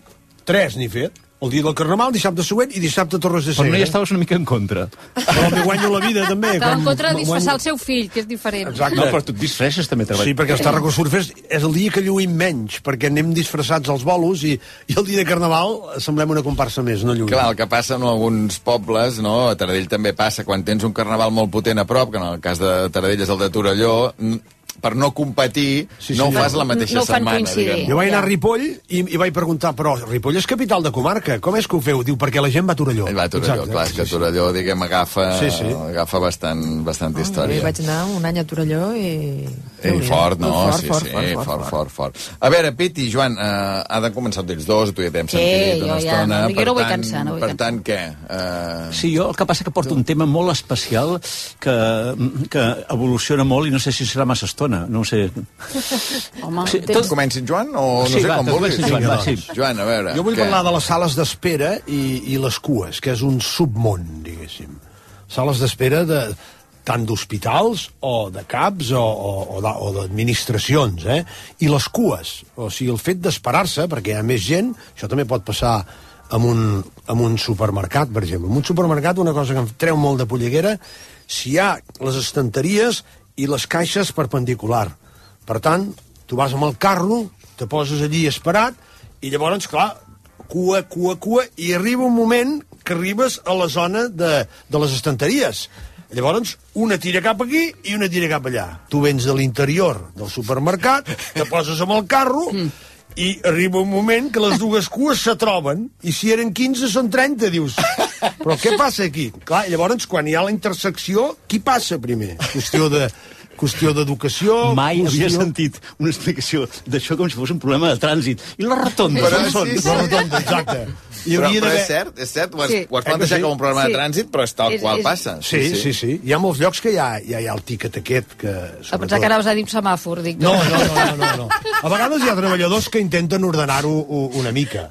I a part, ara hi ha molts supermercats que ja tenen la caixa, allò tot electrònic, que tu fas tu sol, que jo Sí, no me n'en sí. surto. No, mai. no, No, no, tu fas tu sol si pots. on No et veig, Sí. Joan No. Reig, fent-ho tu sol, eh? Article allà- inesperat a la zona de Mossà. Allò, el Decathlon és terrible. Sí. Cada dia agafo el mateix que ja em coneix. Nen, vine aquí, Sí. ensenya-m'ho. Ja se n'enriu, aquest senyor, saps? Perquè no, no ho sé fer.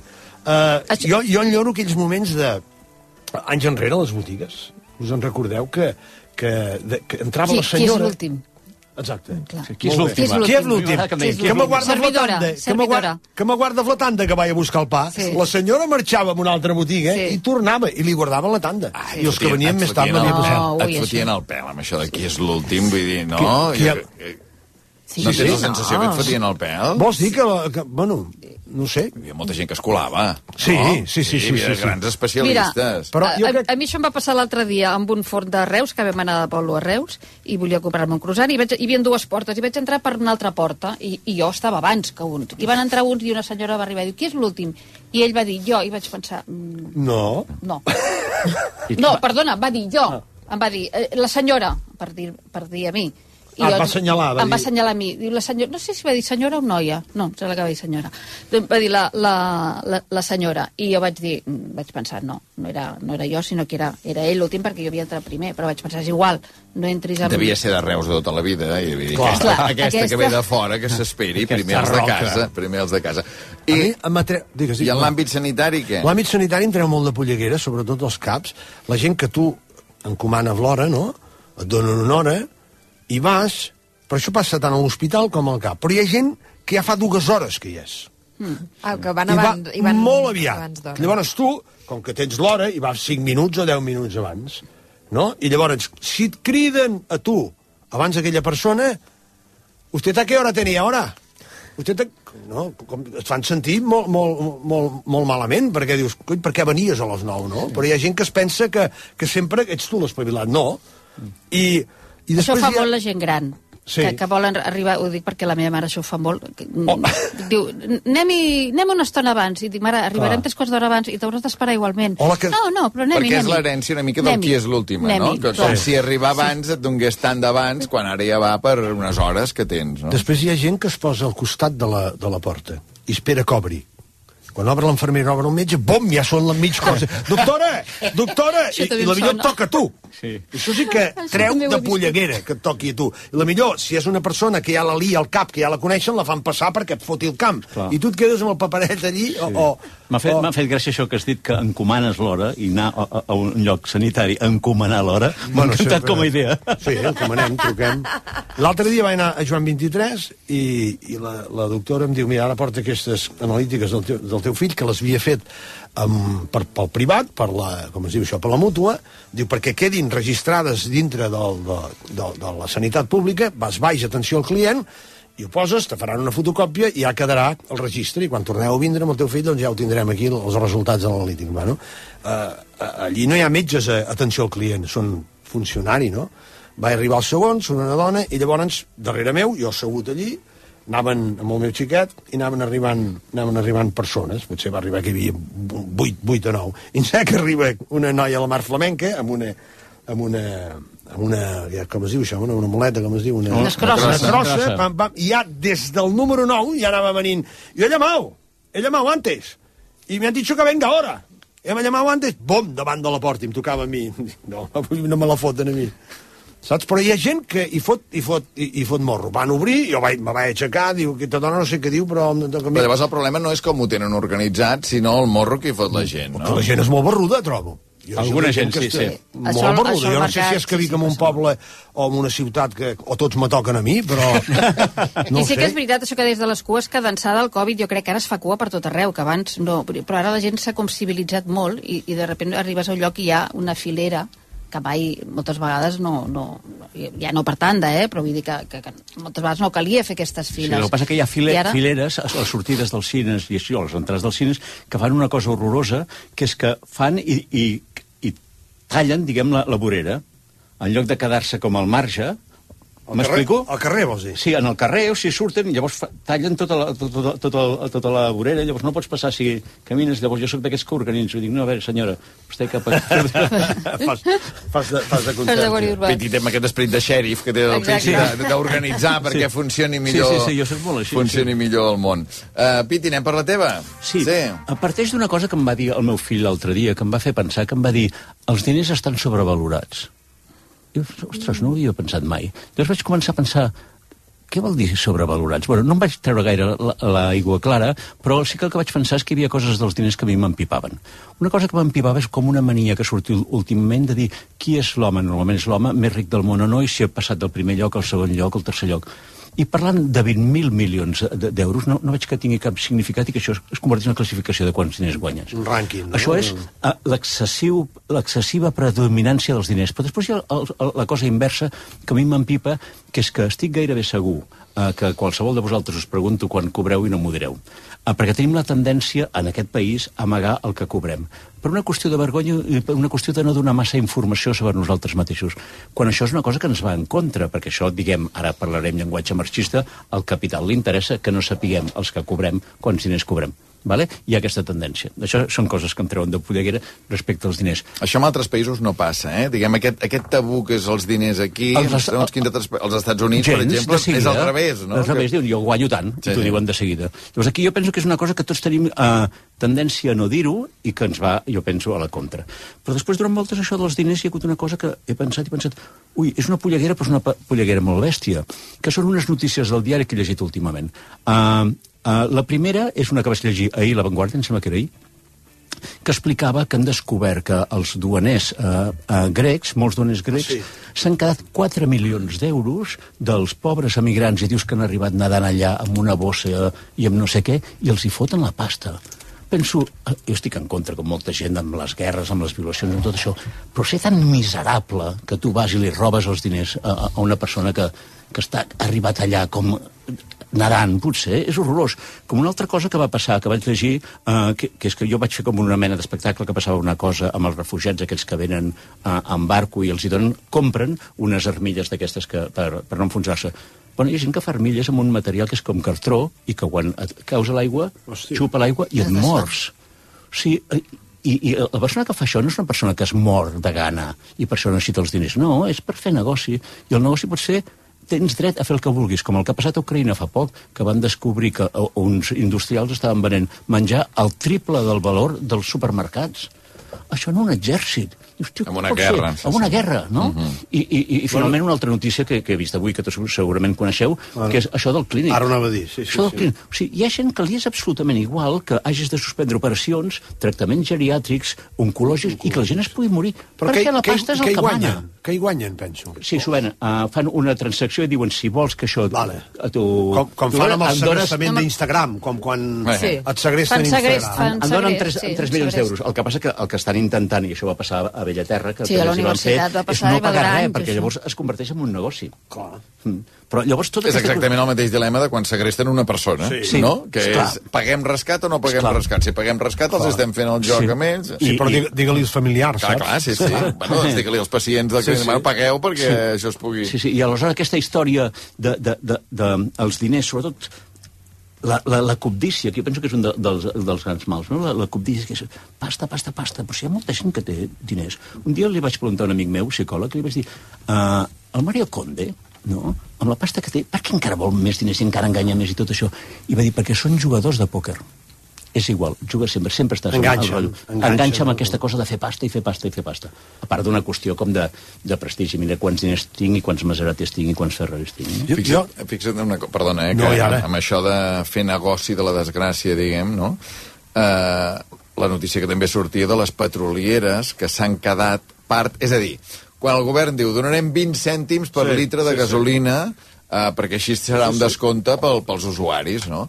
Llavors, les petrolieres el que fan és apujar a pujar el preu aquest sí. i s'han quedat 700 milions d'euros públics, 700 milions d'euros que ha posat el govern, eh, se'ls han quedat les petrolieres, no ha anat a un descompte directe pels usuaris. Que això és un frau, no? Això és delinqüència Sí. directament. Bueno, clar, que, que dius, és això, una mica Sí. és un exemple més de, de buscar negoci fins i tot en un moment tan delicat com, com I aquest. el que arriben a cobrar aquests empresaris, els directors d'aquestes empreses, o aquest tio, per exemple, de la COE, no? que, que, que està dient que no es pot pujar el salari mínim i cobra 400.000 euros l'any.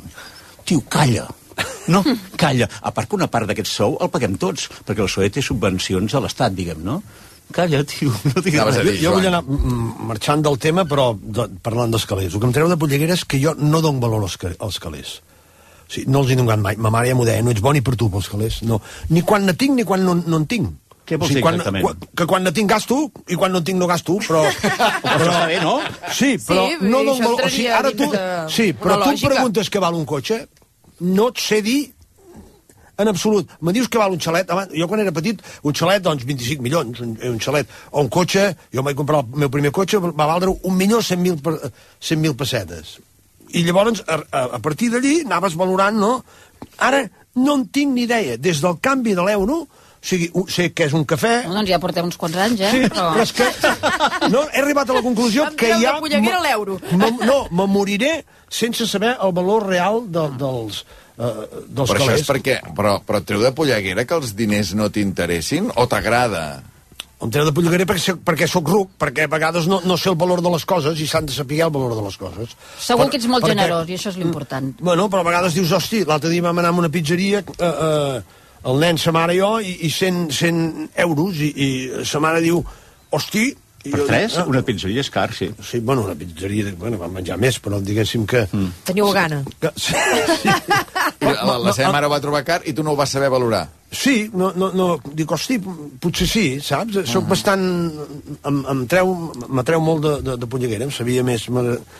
Segurament seria més bon estalviador, saps? Mm. O sigui, no, no, Clar, perquè no a més sé. a més això que deies, quan ne tinc i quan no ne tinc, perquè clar, els músics també deveu ser... O sigui, Anem tu no per- tens clar. un sou eh, al mes, Clar. diguem, no? sinó que a vegades tens molts ingressos i a vegades en tens molt Exactament, pocs. Depèn exactament, depèn, no? depèn de les èpoques. Depèn O sigui, et convindria, et convindria més treballar en un banc no? I, i, i saber eh, què cobres exactament cada mes. Clar, sí, o quan treballava a la fàbrica, que sabies amb el que comptaves, no? I ara no, no, tinc, no tinc aquest control, que tothom el té perquè se'l fa ell. Jo no, no me'l sé fer o no me'l sé fer bé. Vull dir. Sí. A l'Oriol Regàs deia, el, el gran Oriol Regàs, l'empresari i promotor i tot això, deia, els diners que tens són per gastar-los.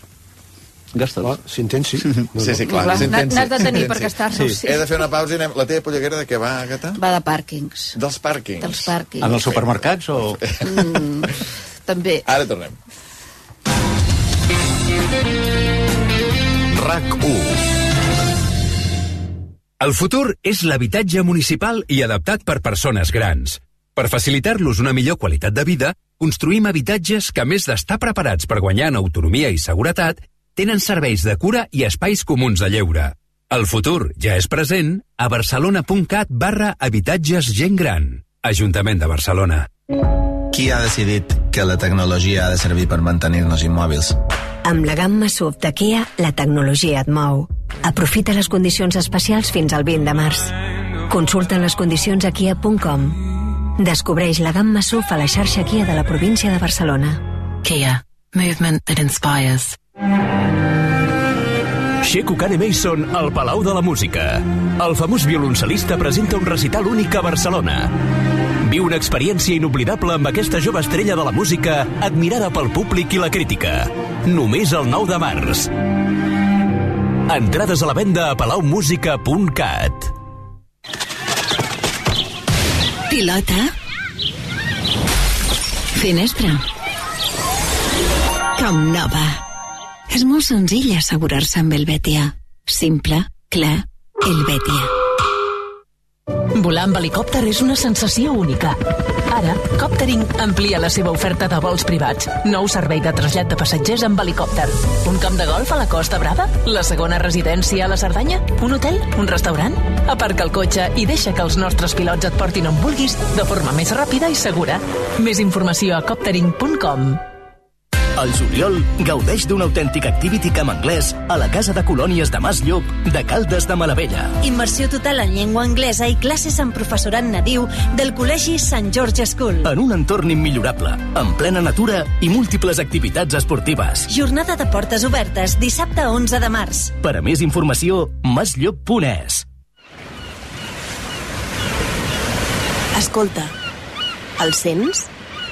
Sí, és el so del mar. I al vell mig de l'Eixample. Ara el restaurant El Cangrejo Loco et porta al mar a l'Eixample. Reserva a elcangrejoloco.com Un restaurant únic a l'Eixample. Qui ha decidit que la tecnologia ha de servir per mantenir-nos immòbils? Amb la gamma SUV de Kia, la tecnologia et mou. Aprofita les condicions especials fins al 20 de març. Consulta les condicions a kia.com.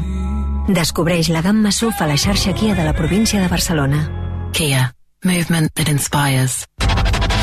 Conserveu tot allò que us interessi de rac entrant a rac el portal de notícies de RAC1. Islàndia, amb Albert Ong.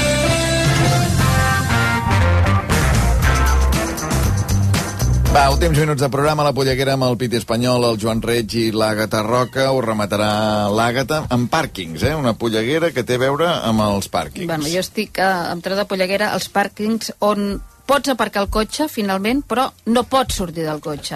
Abans Sí o ahir no? m'ha passat, tens tota Sí. la raó del món. Sí o no? Sí. O Vaig sigui- haver de fer uns equilibris. No, no, és molt fort. O sigui, tu arribes a un pàrquing que ja veus... Primer, d'en- d'entrada ja veus la curva, que veus que tota aquella curva tan tancada està plena de colors, que dius, és un grafiti? No, és el color dels Dels- cotxes que han rascat. Granate, Vermell, blau. blau, verd, tot. Tot. I llavors Tot dius, el home, Pantone. un borratxo podia ser, però tant, no. O sigui, llavors vas, vas a la primera planta i jo tinc l'obsessió sempre de buscar dos llumetes verdes, o tres. Però, o sigui, eh, les que són sueltes, no?, que hi ha... Sí. Uh, Ja passes, passes passo, d'allà. perquè ja sé que- no hi haurà lloc. Llavors busco dos llumets verds per Per fer la maniobra per poder entrar a la sí, plaça. Aleshores És que has de no és baixar, impossible. has de baixar a la quarta planta. Eh? Has de fer aquestes corbes, sí. aquestes corbes, esquivar les corbes. N'hi ha un al carrer Hospital que és tremendo, que és tremendo, que està al, costat del Teatre Romea. Ja, ja, no, no, ja a prop de casa teva. A, a, Sí. allà... No, no, no, bueno, és que n'hi ha, ha, ha, Sí, ha Plaça molts. Ha molts. I aleshores arribes i veus dues, aconsegueixes veure dues. Mm, Llums. Trobar dues llums verdes, t'hi acostes i al final no, també està ocupat, amb la qual només hi ha un. O sigui, per cada les llums enganyen. Total, que dius, va, no és igual, doncs ja m'hi foto, perquè és que, entens? I llavors intentes posar-t'hi, però clar, l'altra filera de cotxes està molt a prop també, amb la qual no pots fer una Maniobra, gran maniobra per entrar de cul o per entrar de cara.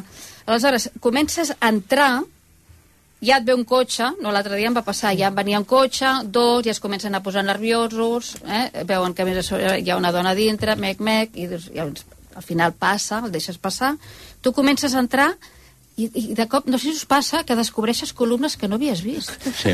O sigui, hi ha més columnes. n'és- n'és ple, a més més. I a més es fan grosses a mesura que t'hi apropes. "Va, Dos columnes, i de cop i volta sents pam! I dius, hòstia, Tres. aquesta no l'havia vist.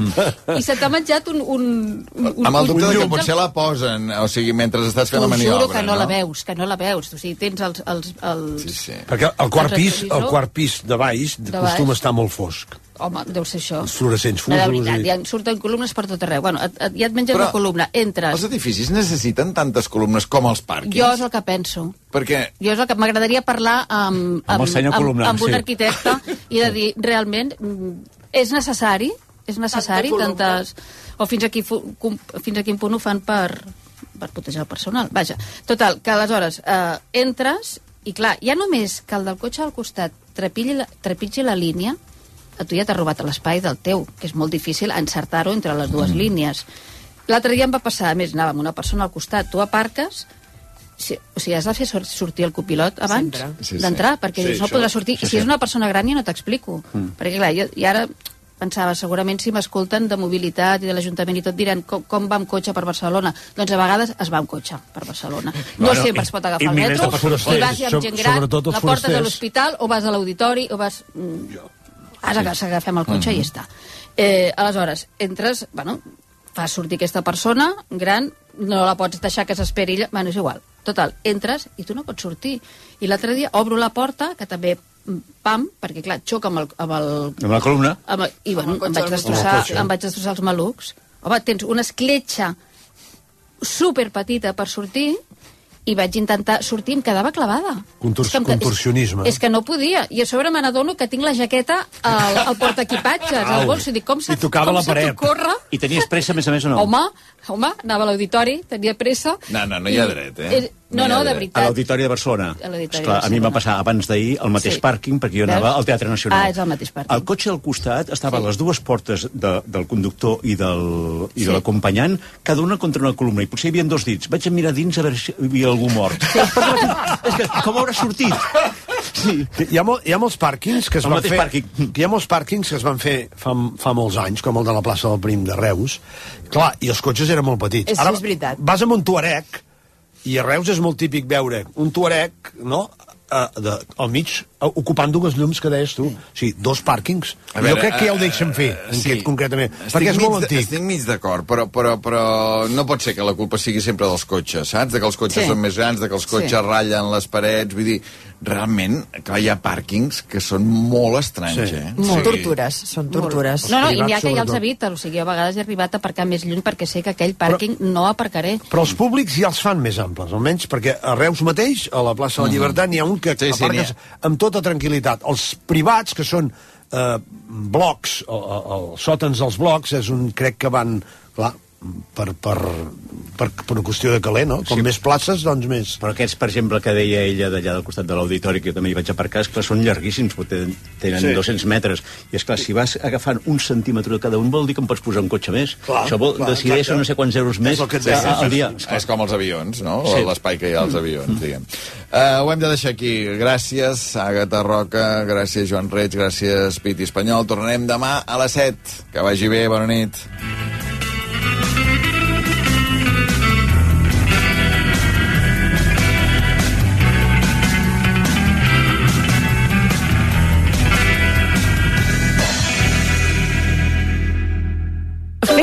Compra a bonpreuesclat.com i te la portem a casa. I ara, també a Barcelona. És fàcil, ràpid i comodíssim. Consulta les condicions i els codis postals on ja tens actiu el servei a bonpreuesclat.com. Les despeses d'enviament de les 5 primeres compres són gratis. Aprofita-ho. bonpreuesclat.com, el teu supermercat online. bonpreuesclat.com, més a prop teu. Descobreix la càrrega immediata a Instituts Odontològics i recupera el somriure en només 48 hores gràcies a l'última tecnologia a les nostres clíniques dentals. Ara, aprofita el 20% de descompte en implantologia. Demana cita a ioa.es o al 900 131 002. Instituts Odontològics, perquè quan estàs bé, somrius. Blanca, que bé que et veig. Vinc de Naturhaus. He perdut 4 quilos. Ei, jo també vull. Què haig de fer? Acompanya'm o busca el teu centre Naturhaus més proper i demana-hi cita. Totes les consultes d'assessorament dietètic i seguiments setmanals són gratis. I a més, ho pots fer des de casa. Entra a naturhaus.es o truca al 902 15 14 14. Un dia més i encara no saps com reclamar la factura de la llum? Fes-te de Legalitas i un expert t'ajudarà a resoldre-ho. 900 100 608. Legalitas i endavant amb la teva vida. Ho sento, necessito més espai. Ho entens, oi? Allà et cuidaran molt bé i et trobaran una nova família. Són de confiança. Són d'aquí. Comprem el seu cotxe.cat. Taxació online gratuïta. Millorem la valoració que et faci el concessionari. Paguem al comptat en menys de 30 minuts. Comprem el seu cotxe.cat. Som de confiança. Som d'aquí. RAC1 presenta la segona edició dels Premis DRAC.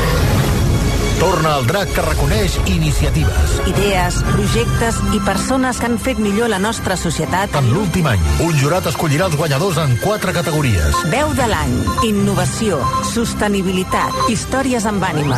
I vosaltres decidireu qui s'endú el premi a la categoria Tots som u. Encara sou a temps d'entrar a recu.cat per votar la vostra candidatura preferida i així optar a guanyar una tauleta electrònica. Tornen els Premis DRAC.